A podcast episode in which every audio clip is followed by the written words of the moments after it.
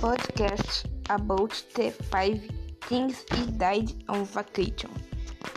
On vacation, he played video games, watched several movies, played football, ate a lunch, went to relatives' house.